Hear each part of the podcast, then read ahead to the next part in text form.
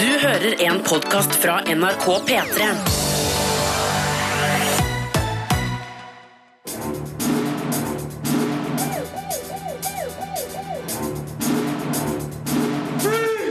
Filmpolitiet! What's your name, dude? Birger Vestmo. What kind of stupid name is that? Skull Kong Island er en stor og dum film med udiskutabel underholdningsverdi. Hidden Figures er en publikumsfriende feelgood-historie fra virkeligheten. Sameblod er en gripende historie med en gnistrende god hovedrolle. Og Tungeskjærerne er et koselig, men litt kunstig besøk i nordnorsk fiskekultur. Det her er filmene som anmeldes i dagens Filmpoliti. Dessuten sjekker vi hvordan det går med Martes anmeldelse av Nintendo Switch og det nye Zelda-spillet Breath of the Wild, som hun er midt i skriveprosessen til. Og du får høre hvorfor den svenske regissøren eh, Amanda Kernel måtte til Norge for å finne hovedrolleinnehaveren i Sameblod, nemlig Lene Cecilia Sparok. Filmpolitiet På P3 Filmpolitiet anmelder film An uncharted island. Let me list all the ways you're going to die rain, heat, disease carrying flies, and we haven't started on the things that want to eat you alive. Kong Skull Island er på ingen måte et banebrytende actioneventyr, men lener seg trygt og behagelig på tidligere suksesser i sjangeren. Her er det litt Indiana Jones, litt Jurassic Park og sjølsagt litt King Kong. Regissør Jordan Focht Roberts ser ut til å vite nøyaktig hva han fikk i oppdrag å lage, nemlig en stor og dum film med hoderystende logikk, men likevel med en udiskutabel underholdningsverdi. Persongalleriet er ikke så saftig som man kun ønsker, og humoren burde òg vært mye skarpere, men effektene gir oss førsteklasses monster-action med et godt spenningsnivå. Kong Skull Island er en tilfredsstillende underholdningsdose, bare man ikke tenker for mye underveis. We'll double that. Plus a bonus if we make it back. If? Året er 1973, og et skip med amerikanske forskere drar til en ukjent øy i det sørlige Stillehavet for å kartlegge den. Blant dem er ekspedisjonslederen Bill Randa, spilt av John Goodman, krigsfotografen Mason Weaver, spilt av Bree Larson, og sporjegeren James Conrad, spilt av Tom Hiddleston. En helikopterskvadron under ledelse av oberstløytnant Packard, spilt av Samuel L. Jackson, hentes ut av Vietnam for å bli med, i tilfelle det skulle bli bruk for litt militær slagkraft. Det blir det sjølsagt, fordi det skal vise at det fins noe stort og sint på øya. That's Kong. He's God on the island. We don't belong here. Det er jo ingen stor hemmelighet at en diger gorilla som går under navnet Kong, regjerer på øya. Den første trefninga mellom menneske og dyr er eksplosiv, men samtidig latterlig overdreven. Effektscenene i filmen holder svært høy kvalitet, og det kan avsløres at Kong ikke er den eneste ukjente skapningen som holder til på øya. Kong Skull Island har flere scener med fantastisk eventyraction, som er filmens aller største fortrinn. Det kan argumenteres med at humoren er litt blass, at persongalleriet gjerne kunne hatt langt sterkere personligheter, der f.eks. Tom Hiddleston ikke fremstår som den fødte actionhelt. Kong Skull Island har heller ingen dypere filosofi rundt menneskets erobring av naturen, men det den har, er en vedvarende underholdningsevne. Så bli gjerne med på det her eventyret, bare ikke forvent å føle deg spesielt smartere etterpå. Is that a monkey? Terningkast 4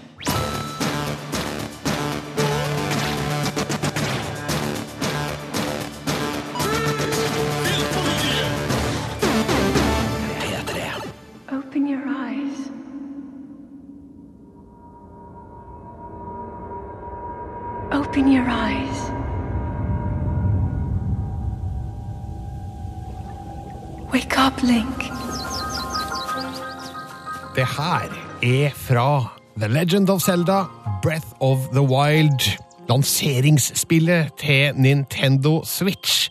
Marte Hedenstad, du har brukt den siste uka på å teste både Switch og Breath of the Wild. Ja, For en jobb!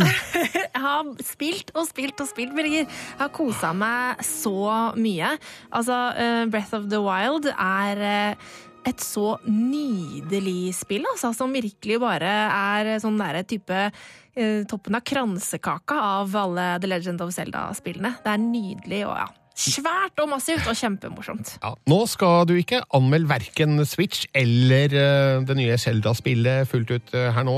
What's taking you so ja, long? det- Nei, jeg må rett og slett bare ha mer tid. Det er, eh, Zelda er et veldig svært spill, så jeg må rett og slett bare få litt mer tid. Og så vil jeg også gjerne teste litt flere av de andre spillene til Switch før jeg kommer med min endelige dom om konsollen. Det fins flere. Det fins flere spill.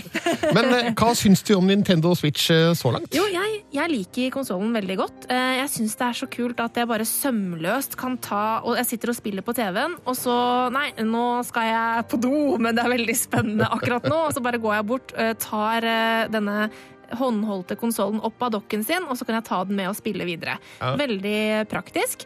Um, og jeg syns at både det fungerer å holde i konsollen, liksom. Den er jo veldig brei, eh, så har den et sånn grep på hver side som fungerer som spillkontrollere.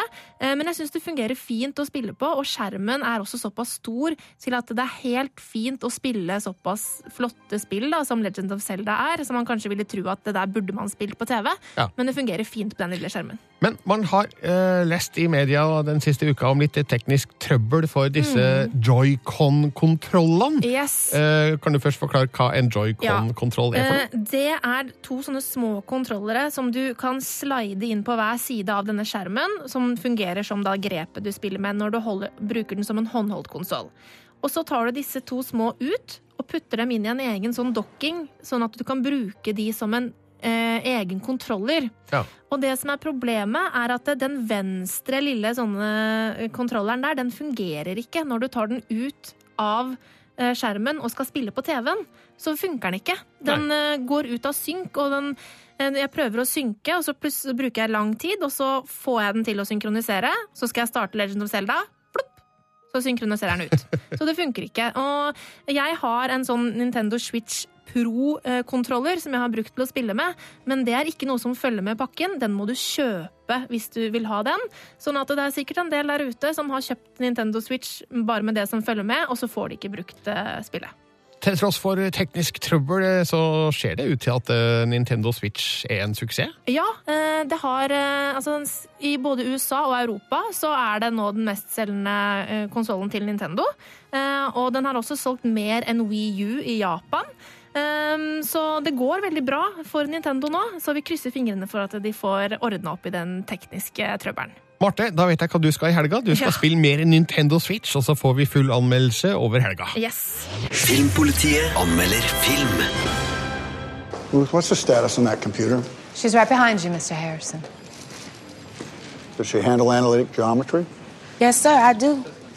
Hidden Figures er et publikumsfriende feelgood-drama, og det er ikke nødvendigvis noe galt i det, men det er litt vanskelig å forstå hvorfor den ble Oscar-nominert som beste film.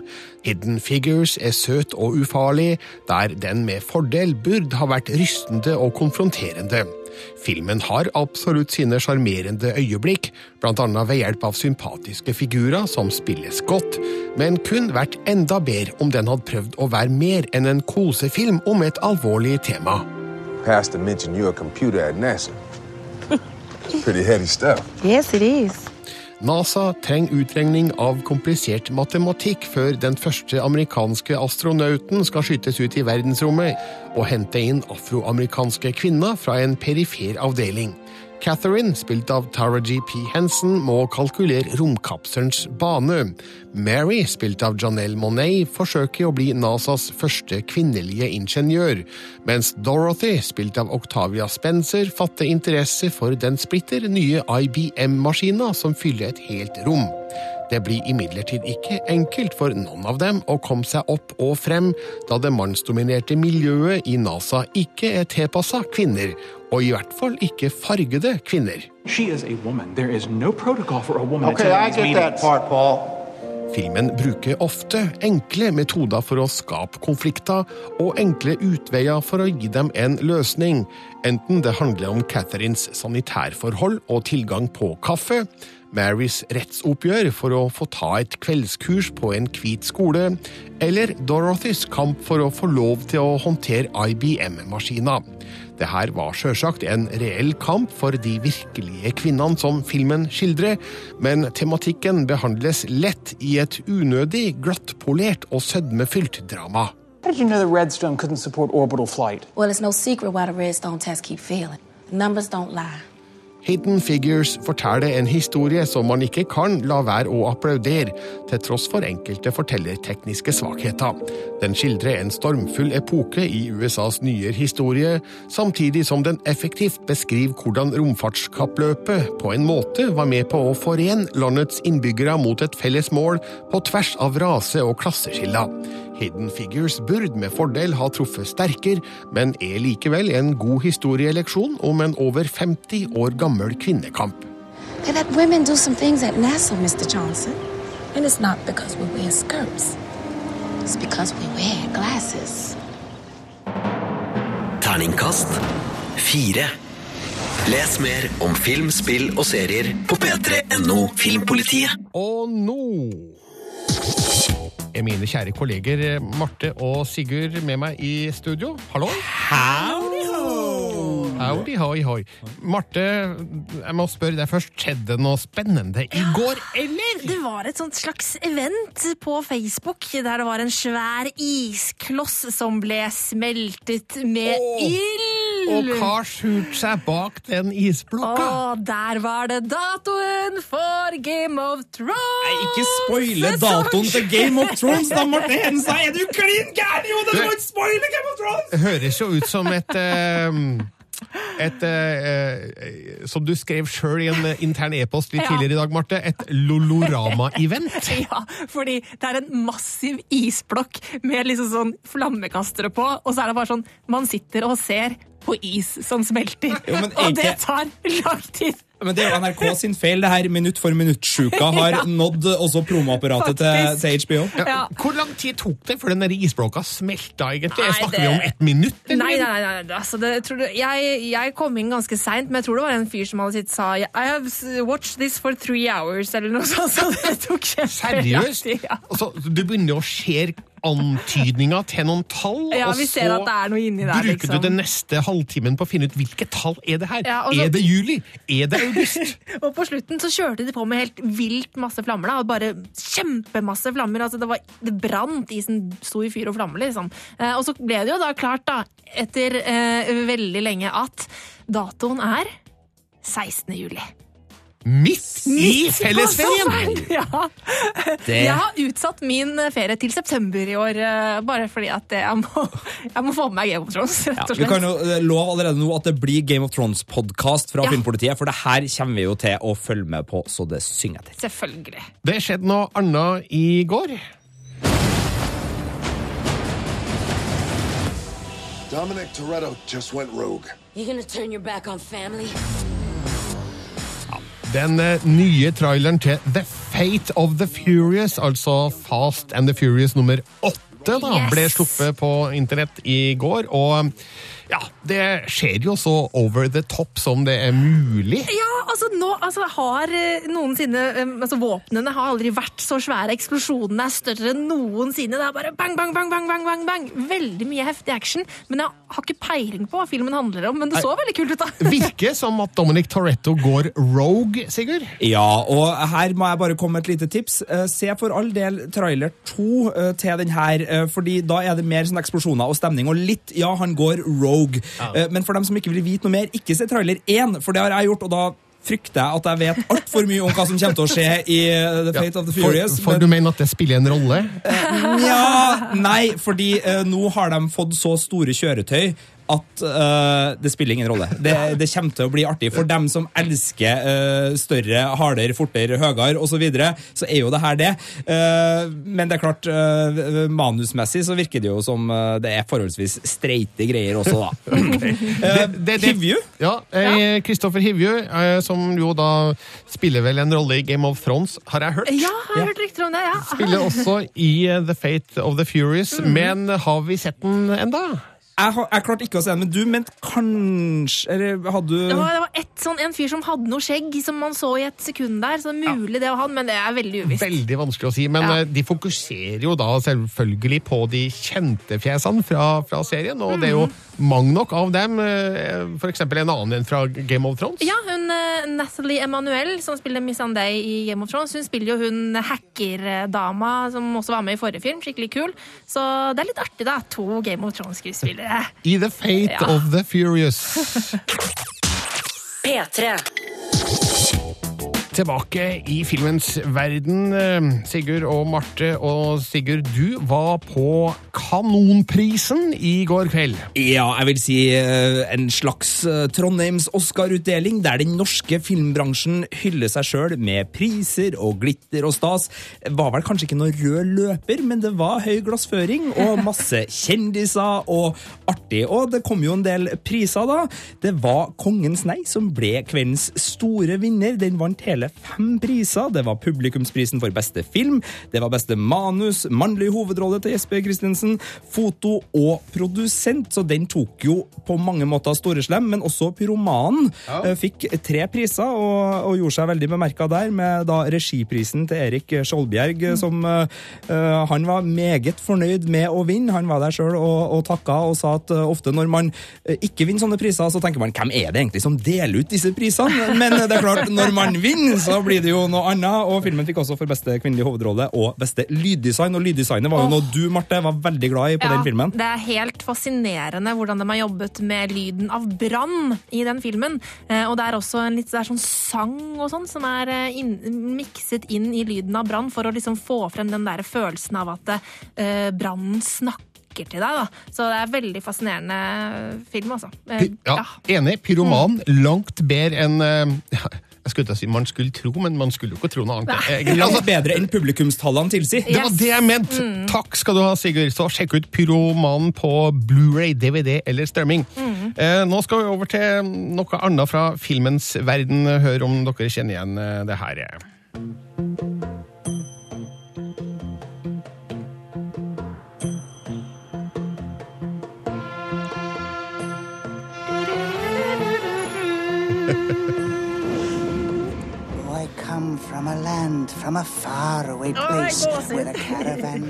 Ok, Marte, hva er det her?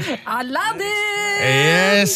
Jeg kan bare den låta er på norsk. Jeg. Det arabiske land! Disneys klassiker fra 1991 eller 2? Ja, det er noe 92. sånt. Riktig. 92. 92, ja. Det, nå, vent, vent her, her kommer det, Marte!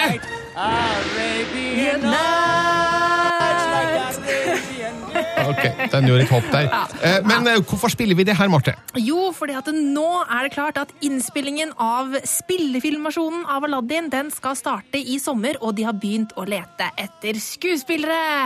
Ja! Melder du deg frivillig? Eh, ja, jeg vil gjerne spille Jasmine, eh, men det tror jeg hadde blitt eh, slått hardt ned på, fordi det har jo vært mye snakk om eh, de siste årene dette med whitewashing, at det er hvite skuespillere som spiller eh, roller som kommer fra andre land enn eh, Vest-Europa og USA.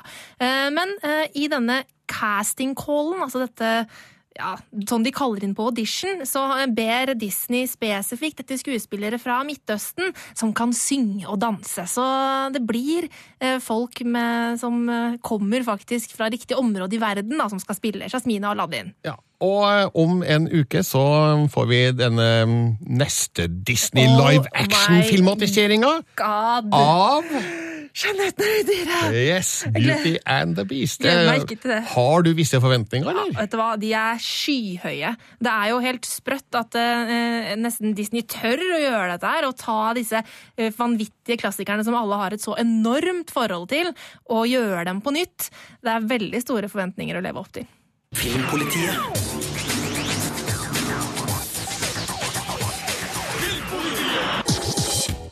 Marte og Sigurd er fremdeles her i studio sammen med meg, og vi skal snakke litt om Logan, altså The Wolverine, som går på kino så det suser akkurat nå.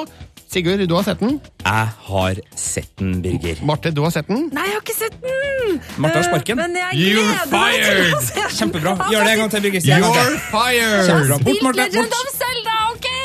Men jeg skal se den så fort jeg får tid. Jeg gleder meg veldig, altså. Ok, En unnskyldning som knapt kan godtas, men eh, ok. Men, men eh, hvorfor, eh, hvorfor skal vi snakke om Logan? Jo, altså, Logan det er jo den siste eh, Wolverine-filmen til Hugh Jackman. Altså, nå har han lagt uh, uh, klørne på hylla!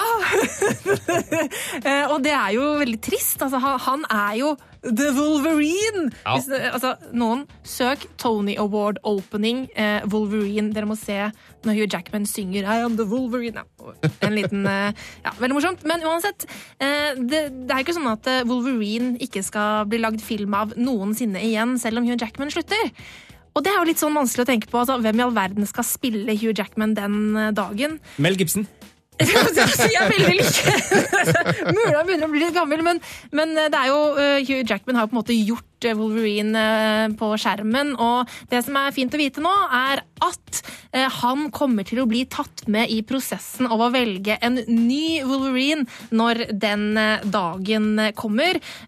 Simon Kinberg, som er vel manusforfatter og diverse på filmene, han har sagt at vi har ikke begynt å tenke på den neste Wolverine-kapitlet enda, men når den dagen kommer, så skal vi ta med Hugh Jackman inn for å velge hvem som skal spille Wolverine. Det, ser på Box Office Mojo nå, et nettsted med oversikt over hvor mye filmer spiller inn av kroner og øre og Ja. dollars, og eh, Logan eh, ligger nå da på eh, verdensbasis 300 millioner dollar.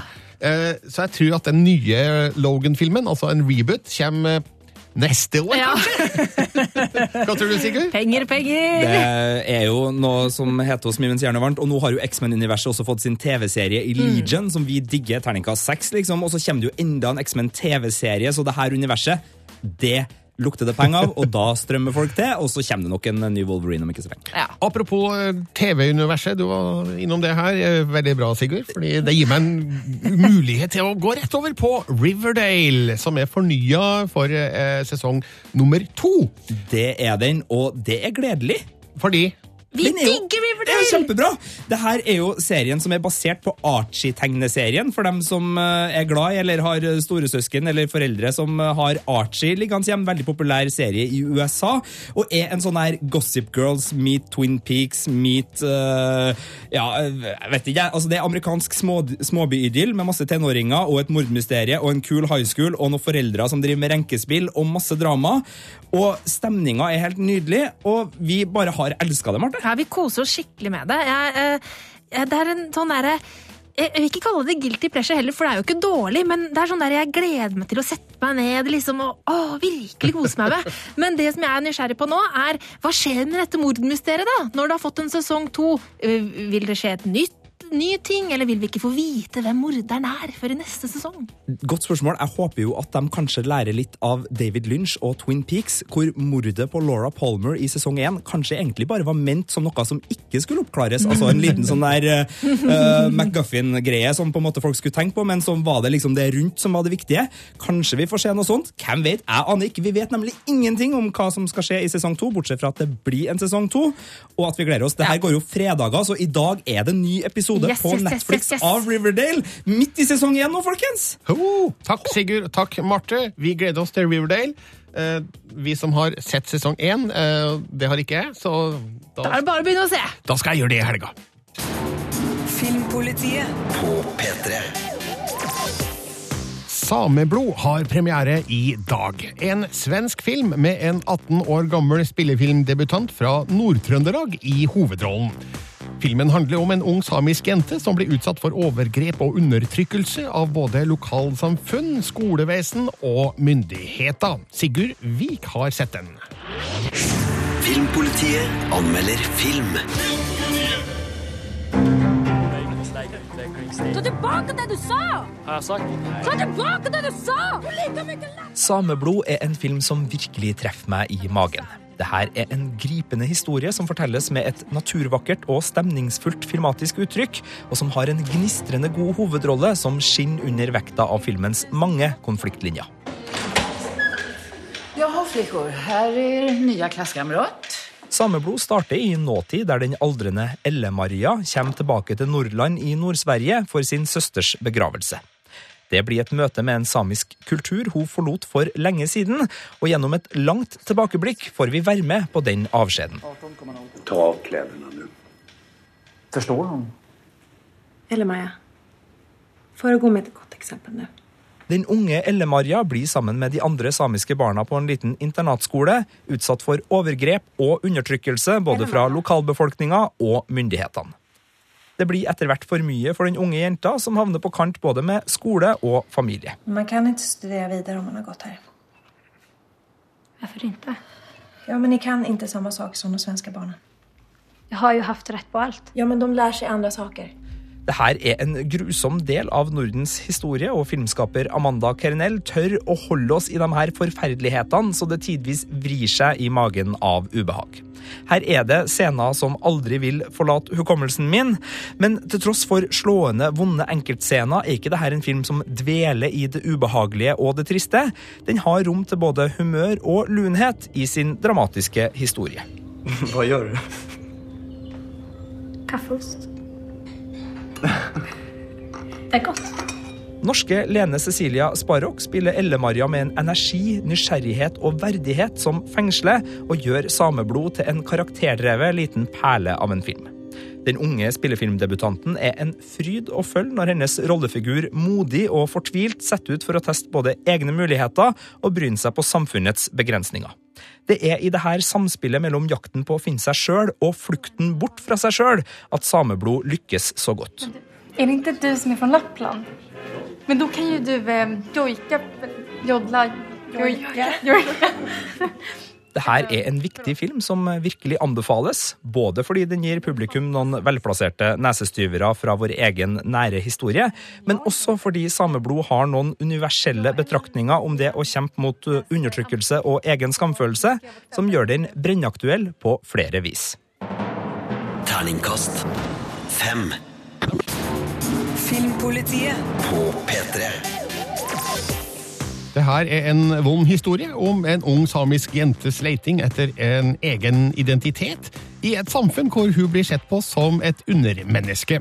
Når en film spilles inn på sørsamisk, stiller det visse krav til valg av hovedrolleinnehaver. Den svenske regissøren Amanda Kernell måtte til Nord-Trøndelag for å finne en skuespiller som kunne fylle hovedrollen.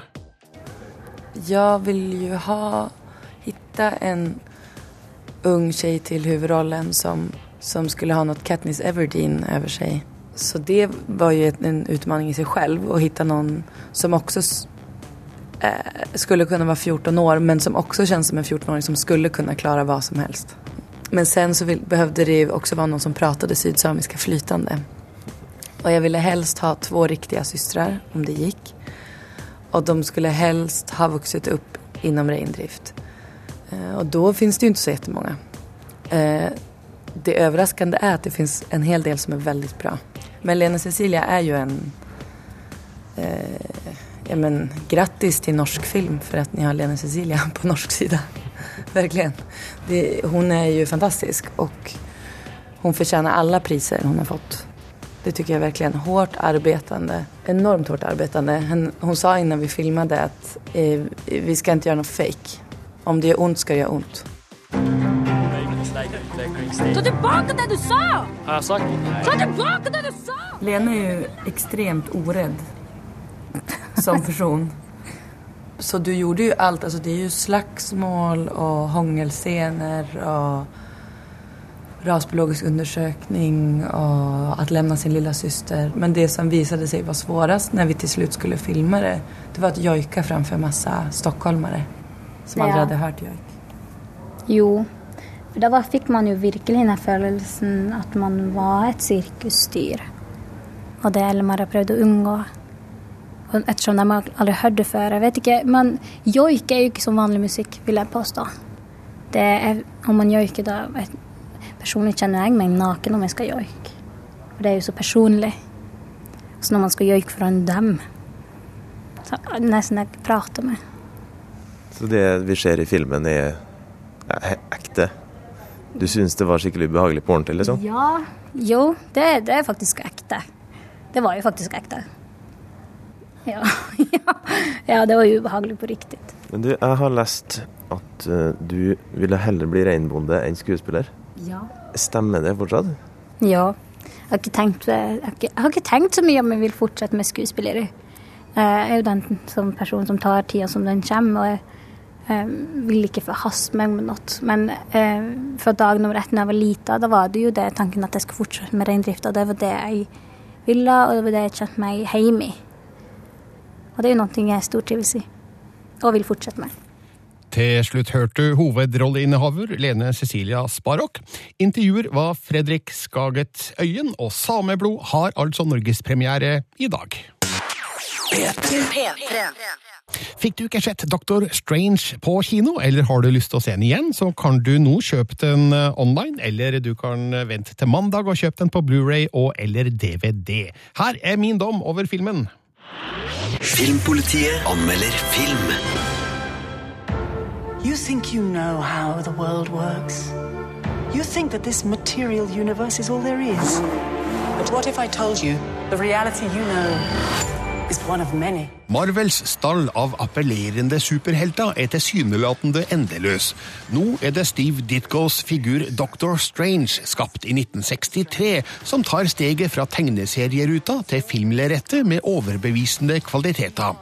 Visst følger den blockbuster-oppskrifta for moderne superhelthistorier, og sjølsagt frir den til publikum med den samme humoristiske snerten som andre Marvel-suksesser, som Iron Man, Thor og resten av The Avengers, helteuniverset som også Doctor Strange er en del av. Men i tillegg har den et uforskamma sterkt ensemble, leda av en opplagt Benedict Cumberbatch i en fornøyelig tittelrolle. Doctor Strange er en vellykka introduksjon av en spennende figur i en film som underholder overraskende godt, sjøl om historiens reisverk står på kjent grunn. This doesn't make any sense. Not everything does. Not everything has to. Dr. Stephen Strange, spilt av Benedict Cumberbatch, er stjernekirurgen i New York som får karrieren ødelagt etter en ulykke. Vennskapet, og kanskje romansen, med kollegaen Christine Palmer, spilt av Rachel McAdams, blir også satt på prøve. Han er villig til å gjøre hva som helst for å bli frisk, og høre rykter som fører han til et senter for noe vi kan kalle spirituell krigføring i Nepal. Der oppdager Dr. Strange at verden ikke er slik vi tror, og blir innblanda i en krig mellom multidimensjonale krefter og dem som beskytter jorda mot slikt. There's a strength to him. But is he ready? Handlinga i Doctor Strange har en rask fremdrift, men regissør Scott Derrickson bombarderer ikke sansene våre med virkemidler i like stor grad som en del andre superheltfilmer har en tendens til å gjøre. Det er ingen manko på effekter her, men de overskygger ikke figurenes plass i historien. Derrickson låner åpenlyst flere visuelle triks fra Christopher Nolans Inception, og for den del historieelementer fra samme regissørs Batman Begins, samt musikktaktikken fra Marvels egen Guardians of the Galaxy, men gjør det i det minste godt og grundig. Kreftene som brukes i filmen, kan nemlig snu på både tid og rom, noe som bl.a. resulterer i spektakulære forfølgelsesscener i bymiljø som stadig skifter form og retning. Det tekniske nivået er himmelhøyt og gjør filmen lekker og tiltrekkende for en som elsker effekter. Doctor Strange blir mer enn fantasifullt vås. Det her blir riktig så morsomt, faktisk. You think you see through me, do you, or you don't? Terningkast fem. Nå kan du altså leie Doctor Strange, eh, eller kjøpe den online, og så kommer den ut på Blu-ray og DVD på mandag. Absolutt anbefalt. Filmpolitiet på P3. Torsketunga er mat som finnes på både norske middagsbord og på de fineste gourmetrestauranter. Og i Nord-Norge er det vanlig at det er barn og ungdom som får jobben med å skjære tungene fra torskehodene. En jobb som krever en stødig knivhånd, og som kan gi titusenvis av kroner i lommeboka. Det arbeidet har nå blitt til en eh, dokumentarfilm. Sigurd Vik har sett Tungeskjærerne. Filmpolitiet anmelder film. Å skjære torsketunge er en tradisjon som har vært over 100 år gammel. Fisk! Det lukter ikke møkk. Det lukter hender. Tungeskjærerne er en hyggelig dokumentar som har fokus på et spennende stykke av norsk fiskekultur. Filmen er rik på sjarmerende vennskap og har noen herlige livsbetraktninger fra barnemunn, og den får fram hvor kult det er å tjene titusenvis av kroner når du er ti år. Men den oppleves også litt kunstig. Her er det ingen friksjon, ingenting som problematiseres, og Tungeskjærerne blir en dokumentar som ikke kommer ordentlig under huden på miljøet den skildrer. Regissør Solveig Melkeråen velger å fortelle om tungeskjæringa sett litt utenfra. Vår hovedperson er hennes niese Ylva på ni år, som har mor og besteforeldre fra Vesterålen, men som er fra Oslo. Filmen følger hennes reise til fiskeværet Myre, der hun besøker sin venn Tobias på ti år, og blir med han på jobb og prøver seg som tungeskjærer for første gang. I Oslo, der jeg bor, der fins det ikke jobb for barn. Men i Nord-Norge, hvor mamma vokste opp, der kan barn få lov til å skjære torsketunger, og de tjener penger på det. Masse penger. Gjennom å fremheve hvor rart Ylva syns det er at barn jobber i fiskeindustrien, og hvor urban og fra hovedstaden hun er, så settes tungeskjæringa opp som noe eksotisk og annerledes i filmens anslag. Og sjøl om det gir et tydelig utgangspunkt for fortellinga, så blir det en oppstilt ramme som kjennes litt kunstig. Og det er noen flere regivalg som forsterker følelsen av at det blir drygt konstruert til tider. Ylva har et nært forhold til artisten Chave fra Madcon, og de prater sammen både i starten og slutten av filmen. De samtalene passer greit inn i filmens fortelling, men når en festscene fra Myhre går fra Madcon på stereoanlegget til Madcon på filmens soundtrack, og en musikkvideo med gruppa kryssklippes med dansinga fra leiligheten på Myhre, da smaker det såpe av hele opplegget. Skjønner du, det er mange folk her på Myhre. De går ifra hverandre. Så går det noen år, og så blir de sammen i, eh, igjen. Mm. Kanskje det skjer med dine foreldre? Hvem vet? Tror ikke det skjer med mine. Det er mest usannsynlig. Tungeskjærerne er en film som handler vel så mye om vennskapet til Ylva og Tobias som om fiske. Og det er i samtalene mellom dem to at filmen er på sitt beste. Begge to er kvikke og taleføre barn som det er lett å like, og spesielt deres samtaler om hvordan det er når foreldre skiller lag, er scener som gjør inntrykk. Det gjør Tungeskjærerne til trivelig kinoselskap for spesielt de litt store barna, men filmen er ikke nysgjerrig nok på fiskearbeidet eller god nok på miljøskildringene til å virkelig sette kroken i meg. Terningkast tre. Tungeskjærerne ble anmeldt av Sigurd Vik. Filmpolitiet anmelder film. چطور مگه کسی رفته تو خونه من فکر کردم سرش گیج رفته حالش بد شد والا ما نمیدونیم چی شد en handelsreisende forteller en bevegende og engasjerende historie om skam og ydmykelse i Teheran. Filmen forteller hvordan en voldelig hendelse utløser en krise for ekteparet som rammes. Askar Farhadi har regissert et interessant drama med en universell emosjonell resonans.